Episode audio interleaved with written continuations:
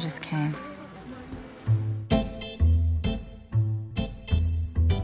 To ud af tre heteroseksuelle kvinder får ikke orgasme regelmæssigt, når de har sex. Oh. Right. That's right. Klitoris blev opdaget i 1998. 1998.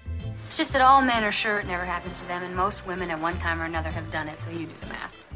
Det er først i nyere tid, at det overhovedet blev tilladt for kvinder at føle og reagere på lyst. En dreng i 14-15 års alderen kan udmærket have kønslige følelser, have rejsning og unanere måske, Her i 2020 taler vi sjældent om sex, medmindre vi er fulde. mens mange piger slet ikke føler den trang til kønslig udløsning. De fleste af os ved ikke engang, hvordan vi skal omtale vores egne kønsdele. Men vi har brug for at tale om sex, og ikke mindst køn. Oh, yeah. Okay. You know what I think? Uh, I think maybe we're on different rhythms here. Alle køn. For Gud er der forskel. The women are having way fewer orgasms than the men are. Og måske trænger verdens lystfulde, tændte og samtykkende mennesker til en seksuel revolution. Go sit over there. All you get to do is watch. Kom du er en podcastserie om sex og lyst, inspireret af Christine Tits tegneserie Orgasmebogen. Lyt til den, og lyt til din krop. Den er så meget.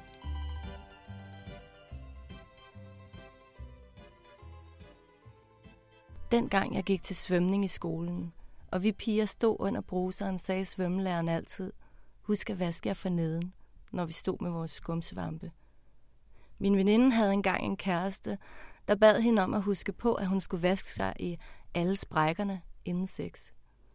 En mand på samme alder som min far kaldte mig engang lede fisse, fordi jeg måske, måske ikke, sprang ham over i en kaffekø.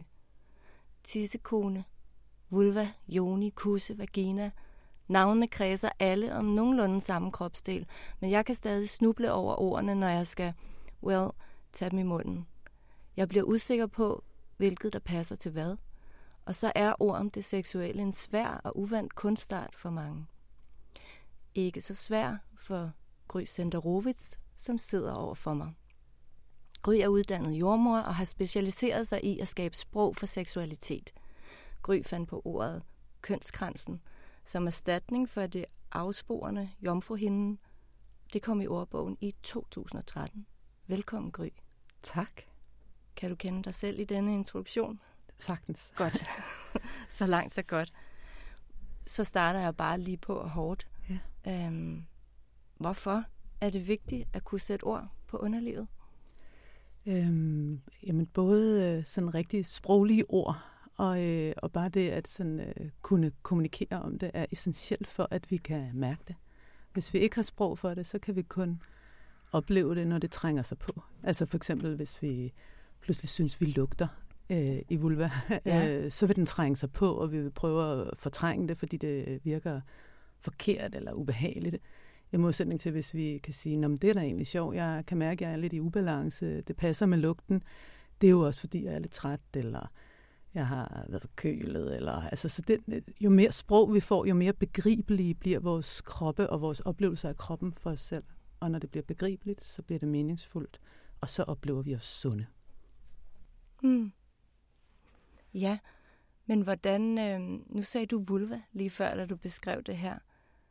Øh, så jeg kunne godt egentlig tænke mig, hvis vi kunne få sat ord på de forskellige dele, der findes dernede, og beskrive, hvordan måske de ligefrem ser ud. Ja. Fordi jeg troede jo indtil for ganske nyligt, altså, det ved jeg så ikke, om jeg er pinlig eller ej, jeg troede, at klitoris bare var den dub, der er fortil.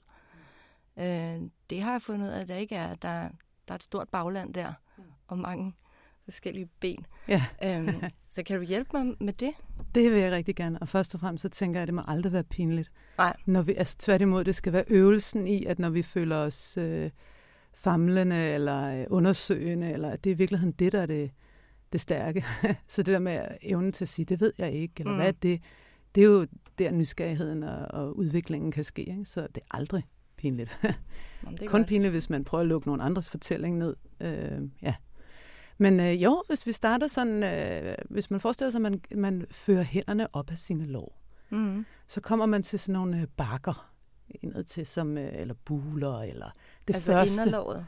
Ja, men når Nej. du kommer over Nå, jeg og er længere ind mod... Ja, så du har Okay. egentlig sluppet låret og Ja. kommet over i den næste struktur. Ja. Det er der, der er øh, det, man tidligere har kaldt øh, ydre kønslæber, eller mm. store kønslæber, eller labia majora i øh, fagligt sprog. Ja.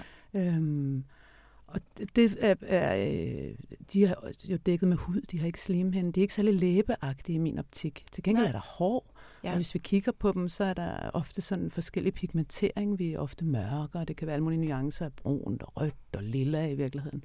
Øh, og selv på et menneske kan det have mange forskellige nuancer og kan skifte. Mm. Ja, så har vi hår netop, øh, som også fortsætter fortil. Øh, men den der struktur kan, kan jeg godt lide i virkeligheden at sammenligne med kinderne i vores ansigt. Jeg kan rigtig godt lide ordene og sammenligningerne, mm-hmm. metaforerne fra ansigtet. Ja, Så dem kalder jeg kønskinderne. kønskinderne. Ja, Ja. og hvis du så lader fingeren køre sådan hen over kønskinderne og ind til de sådan ligesom en kant på dem indad, så, er der, så begynder der sådan en overgang til en anden overflade, slimhindestruktur, som Ja. er det samme, som vi har inde i munden i virkeligheden. Så hvis man lige lader sin tunge køre rundt ind i munden, det er sådan en Mhm. mærkelig overflade, ikke? hvis Mhm. man dvæler lidt ved det. Den Ja. er vi i virkeligheden meget hjemme i. Ja.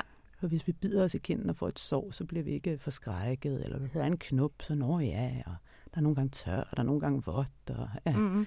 Det er den slimhindestruktur i vores vulva, som er det område, vi er ved at bevæge os ind i, i ord nu.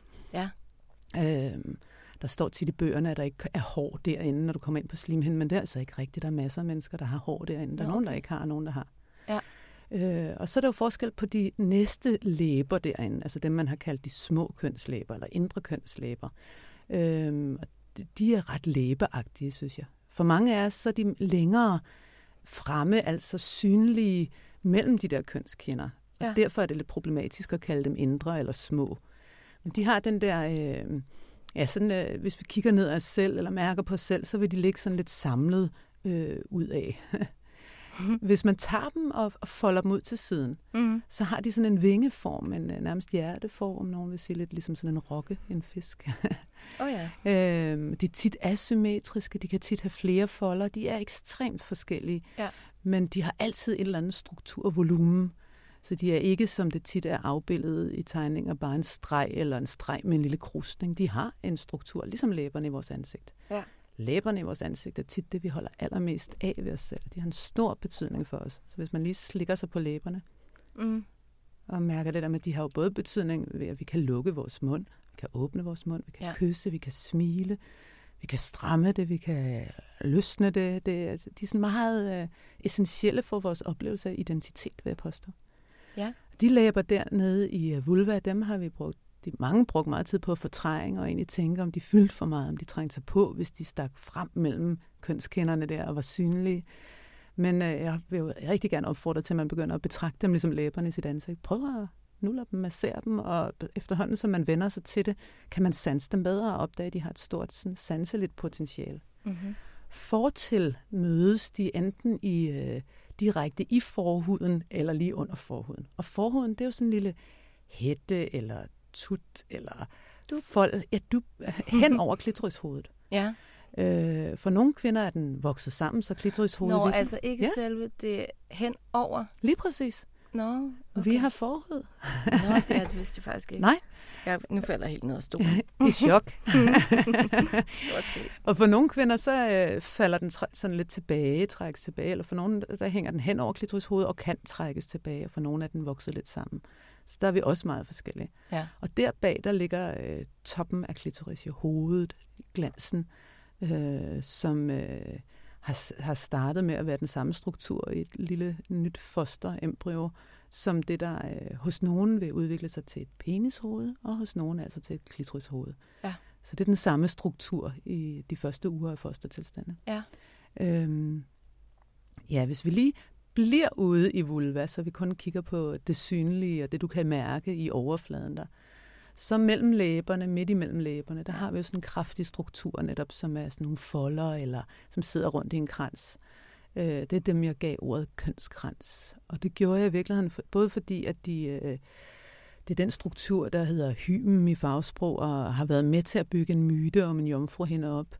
Men den var aldrig tegnet med på nogle af de tegninger, jeg så tidligere, og derfor var der rigtig mange, der spurgte mig, om det var en mutation. Mm-hmm. Så når jeg lavede gynækologiske undersøgelser, er der mange, der peger på, på kønskransen og siger, at jeg er muteret, fordi den er fortrængt på tegningen, altså fortrængt i vores kultur. Mm. Øh, men det er jo den, der så har været med til at give myten om jomfruhinden, men ikke selv fået en, øh, en placering, ikke? som noget i vores egen krop, der ikke havde en funktion. Men, prøv lige at se ja. igen, hvor den, hvor den sidder. Men det er egentlig det, der udgør overgangen til skedens åbning. Okay. Så, og, så, øh, så hvis man mærker sådan i overgangen fra det, der netop er vulva, og ind til skeden, som er det indre der, så er der de der folder rundt om. Okay. Og hvis man sådan trykker fast til, så kan man mærke, at det virkelig kan strammes op, når vores bækkenbund strammer sig, og slippe lidt, når, øh, altså løsnes og være eftergiveligt, når vi slapper af bækkenbundsmusklerne. Men selve slimhændefolderne der er jo sådan eftergivelige, lidt ligesom læberne i vores ansigt. Mm-hmm. Og så er der det med vores urinrør, hvor vi tisser fra. Det er jo altid tegnet på tegningerne sådan midt mellem skedens åbning og klitorishovedet. Så der er altid sat sådan en lille kryds eller prik, som skulle markere, der tisser du fra. Men der ja. tisser vi overhovedet ikke fra, så rigtig mange er jo i tvivl om, hvor vi egentlig tisser fra. Øh, og i virkeligheden så ligger den der åbning til urinrøret øh, nede i den forreste del af vores kønskrans der. Så hvis man kigger på den der kraftige struktur, der udgør åbningen til vores skede, så i den forreste del af den er urinrøret ofte sådan lidt gemt i folderne. Yes. jeg prøver at sidde og visualisere det helt for mig, mens ja. du taler. Øhm, og det lykkes nogenlunde, men, øhm, men sikkert også noget, der skal gentages og læse ja. op på, fordi der er faktisk jo enormt mange dele. Jomfruhinden Hymen i almindelighed kan man med en godt indfittet lillefinger med forsigtigt tryk lige netop trænge ind i en jomfruelig skede, uden at sønderrive jomfruhinden. Det mandlige lem, der jo er betydeligt tykkere, river ved første forsøg på at indføres i den jomfruelige skede for det meste hende i tu. Håndbog i seksuel oplysning 1941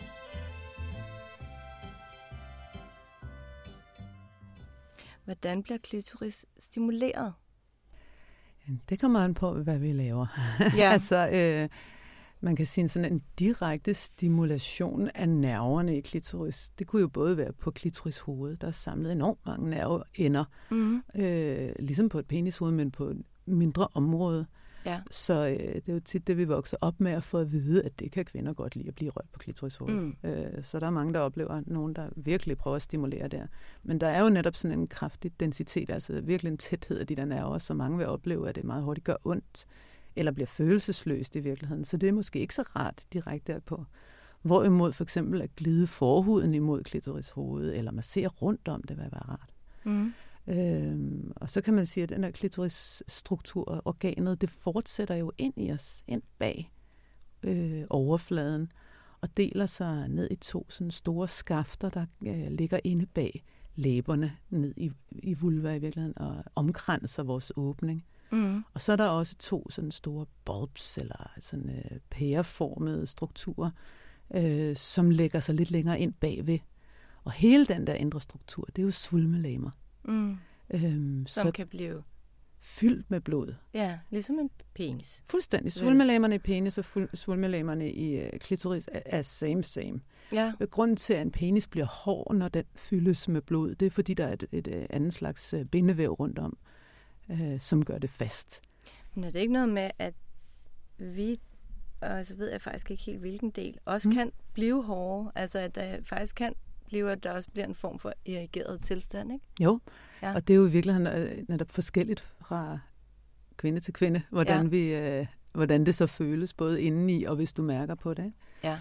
Øhm, men hvis du spurgte om stimulationen af det, så kan man mm. sige, så er det jo også meget oplagt at stimulere ned langs de skafter, mm-hmm. og massere og trykke og mærke, og så er det enormt forskelligt, hvor vi synes, det er rart at blive rørt.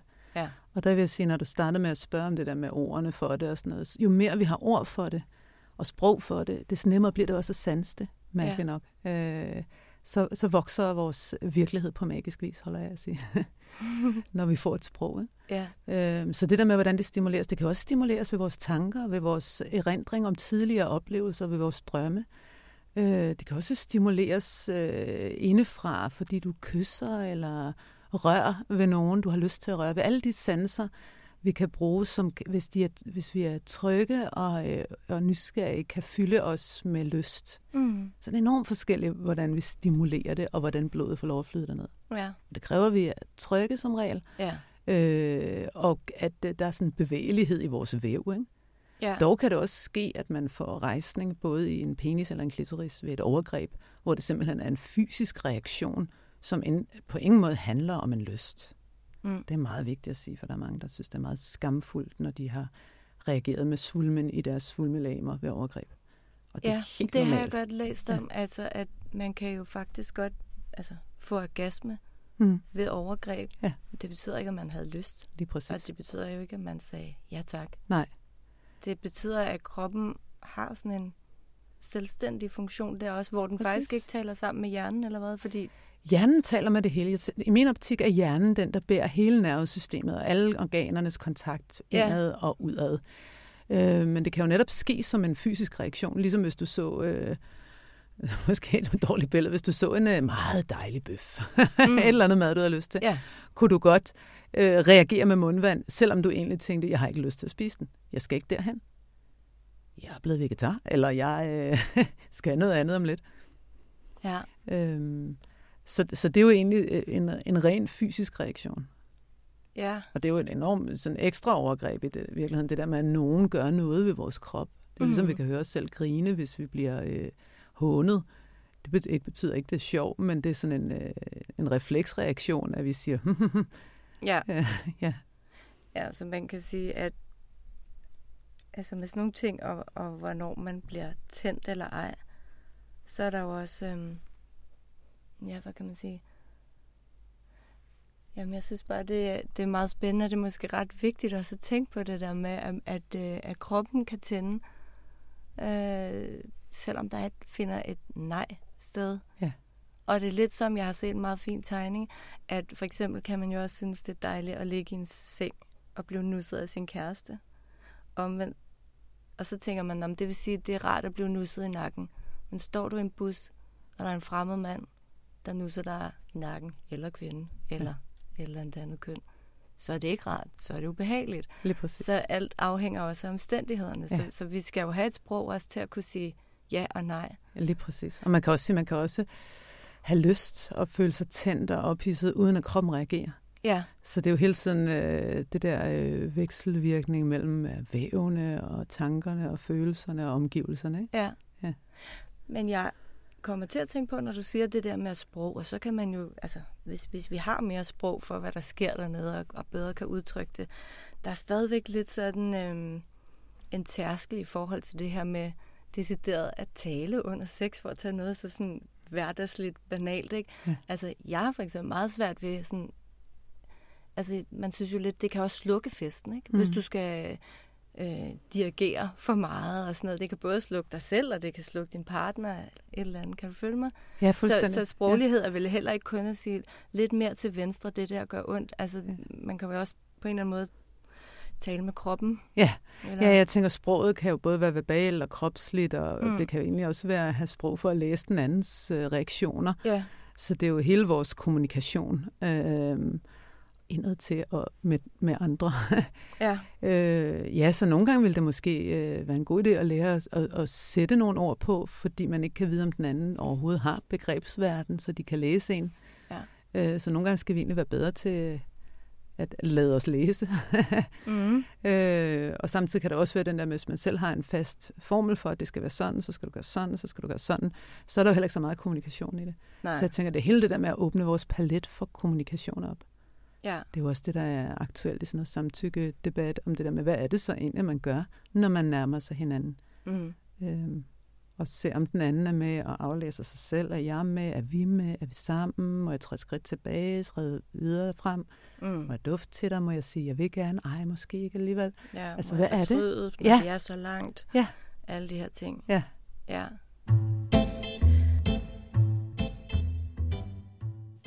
Den kvindelige blufærdighed.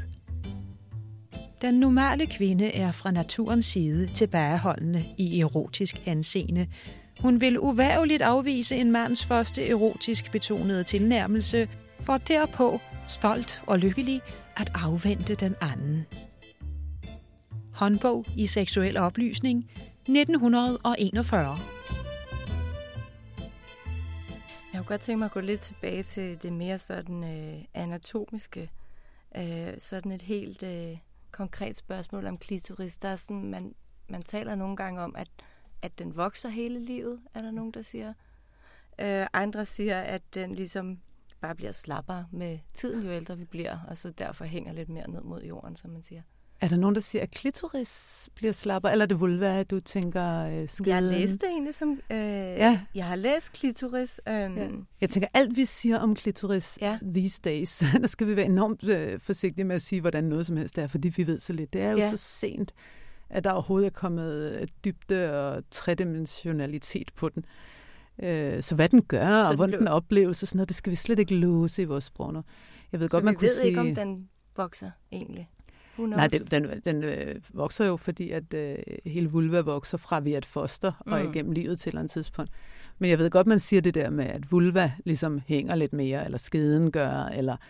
Øh, og det, det kan ikke udgive sig det hele. Det hele er væv i alle mulige strukturer, som samarbejder med sig selv og taler med det andet væv. Slimhinde, muskler, bindevæv, nerver, blodkar osv. Så, mm. øh, så ligesom alt muligt andet i vores krop forandrer sig, og vævet kan blive mere rigidt, mindre kontaktbart. Øh, mm. Brysterne, maveskinnet, øjnene, øh, det hele jo øh, bliver lidt mindre øh, elastisk. Ja. Så kan det også ske der. Ja. Men, øh, men det kommer også meget an på, hvor meget det bliver ved med at blive kontaktet og få lov at bevæge sig. Ja. Okay, så som, ligesom med alt andet har man også en mulighed for at holde sig i god form, som ja, man siger. det må man sige. ja. Og sørge for, at der er blodtilførsel mm. til slimhinden ved at få den øh, levet og bevæget. Og lidt kærlig opmærksomhed. ja. Ja. Nu sagde du selv lige før det der med, at vi ikke ved så meget. Øhm, så jeg har læst, at klitoris blev fundet i 1998 nærmest, hvilket jo lyder sådan helt absurd. Ja. Hvad, hvad, Ja. Hvad sker der? Ja, hvad sker der? Ja. Det er så mærkeligt, ikke? At, øh, og det der med den første tegn, du siger, lyder mærkeligt, siger mm. du, fordi man får den der, ah, vi troede jo, de havde styr på det. Vi troede, mm. når vi læste i bogen og slog op, så vidste de i hvert fald, hvordan kroppen så ud. Så den der, det første er jo virkelig et chok over, at der er noget, man ikke vidste, som burde være så umiddelbart. Og det næste, det der med, hvordan er det så holdt skjult for os? Hvem har så skrevet mm. kapitlerne om, at klitoris er noget, der går en centimeter ind bag i? Eller hvem har tilladt sig at definere det? Ja. Sådan, så vi ikke kunne opleve, hvordan det kan føles. Ikke? Øh, så ja, det er rigtigt, at det var i 98, at der kom et scanningsstudie, som ligesom sagde, det sådan her, det ser ud inde bagved. Ja. Øhm, så, og sådan er det med rigtig meget i, øh, i underlivet, at det er blevet fortalt på en eller anden måde ofte sådan noget i 1940'erne, holder jeg at sige, af en eller anden øh, white guy læge, som mm-hmm. har sagt, sådan her er det, bum, skrevet kapitlet, og så er det ligesom det, der på en eller anden måde skrevet videre på, ligesom tegningerne er blevet reproduktion og gentagelser af de andre tegninger. Mm. Og, øh, så hvem ejer øh, fortællingen om vores krop?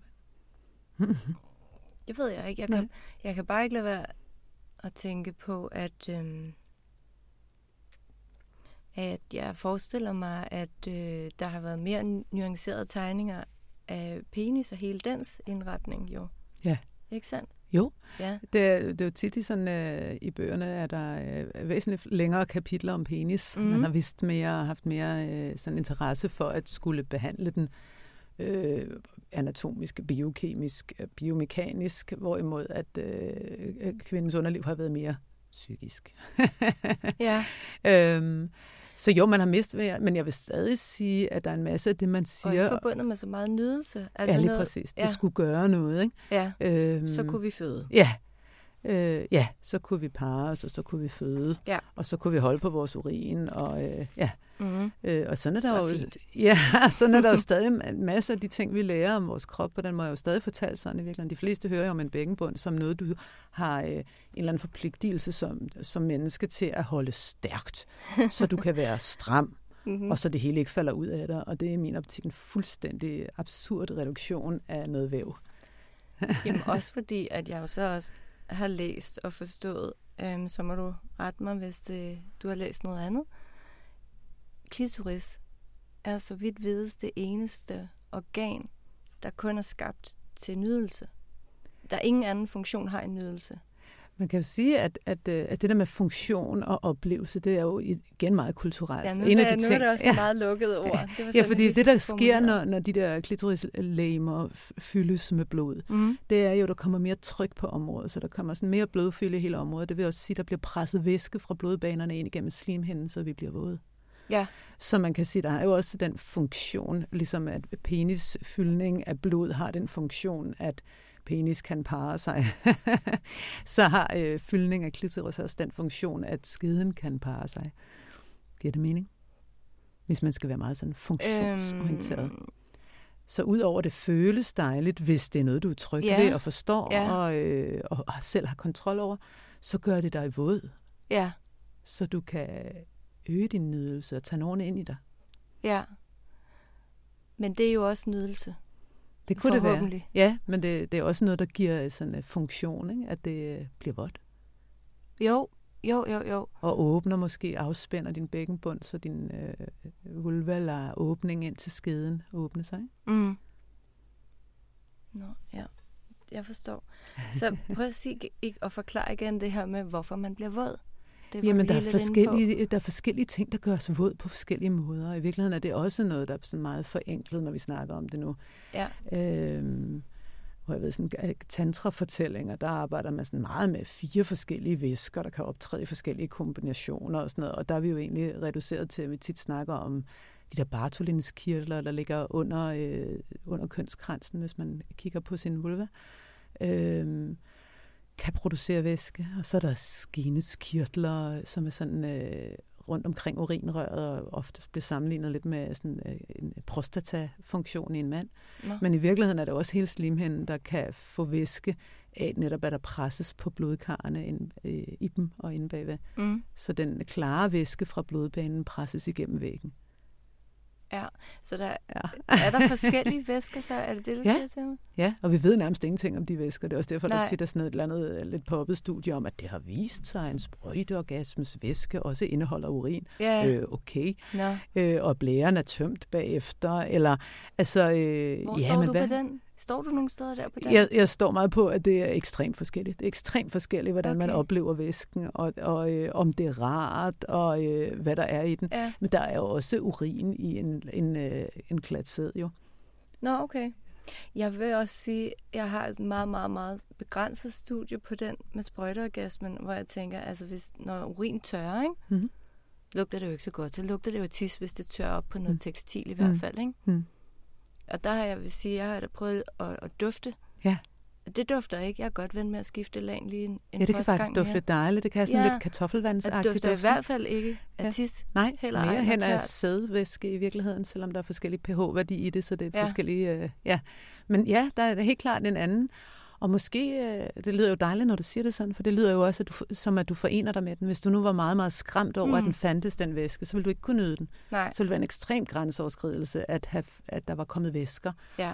Øh, men det her med i virkeligheden at sige, at det kom fra mig, Mm-hmm. og det er ikke noget, der øh, lugter som urinen, som min næse virkelig har lært øh, at skulle øh, have afstand til. Ikke? Puha. Ja. Så det er jo helt klart noget andet væske også, ja.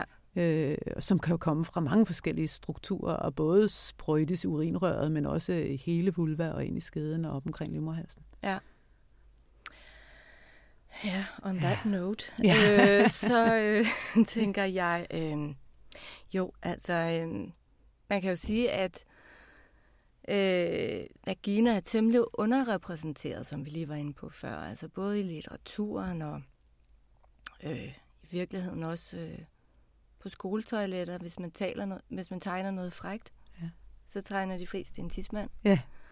Øhm, Og nu siger du vagina, som jo er skeden, som jo er det, vi se, jeg slet ikke guidede dig ind i lige før. det Ja, her. ja, men jeg glemte jo også at guide dig videre, Ja. ind, hvis man sådan stikker sine fingre eller fingre ind igennem sin kønskrans, ja. og mærker den der åbning, jeg sagde, kan afslappes eller, eller strammes til, så kommer man jo netop ind i det rum, skeden i virkeligheden er, potentielt rum. ja. øh, ja, og du har ret, det er jo ikke særlig øh, aftegnet rundt omkring. Nej. Så når jeg har været ude og undervise øh, i, i klasser, så er det altid meget nemt at sige, er der nogen, der lige gider tegne en tidsmand? Og så er der Ja. ofte nogle drenge, der godt gider det. Uh-huh. Men hvis man siger, er der nogen, der lige gider tegne en vulva, så vil de første jo have ord for det. Og på den måde er det jo afgrænset for os overhovedet at tegne det, og lege med det, og undersøge det, og eksperimentere det, fordi vi simpelthen ikke har fået Mm. begreber for det. Det er kun blevet sådan funktionshuller tegnet på en oversigtstegning, vi har fået i hånden i seksualundervisning, hvis vi var så heldige. Ja. Men tror du, at vi er på vej mod til at skulle balancere det her regnskab lidt mere?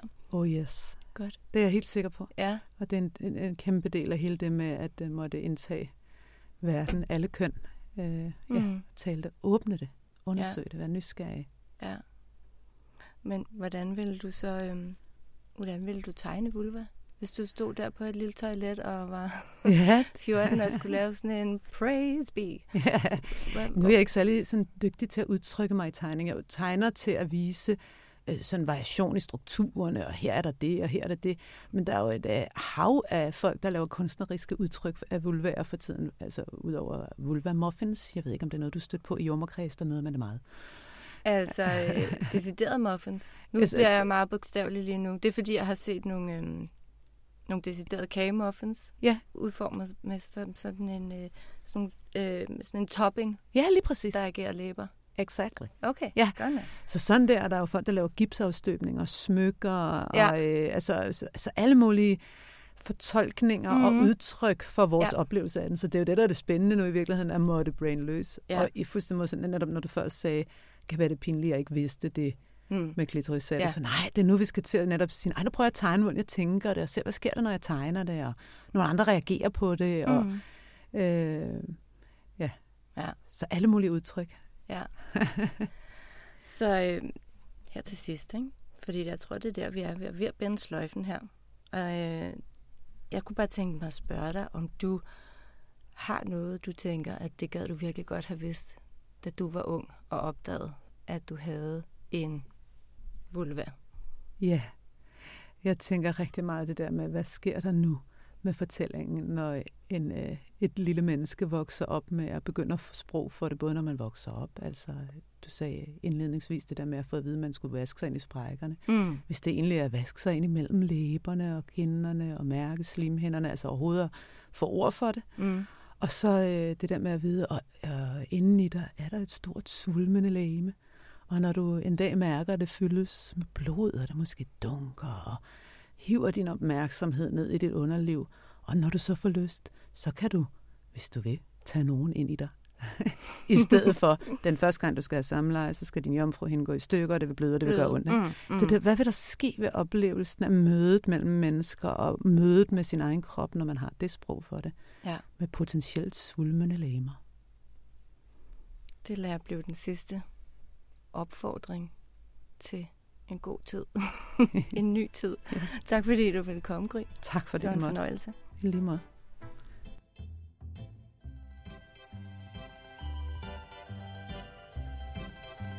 Du har lyttet til Kom du? En podcast-serie om sex og lyst. Husk, at du kan finde mere viden om sex, lyst og orgasmer i Christine Tits tegneserie Orgasmebogen.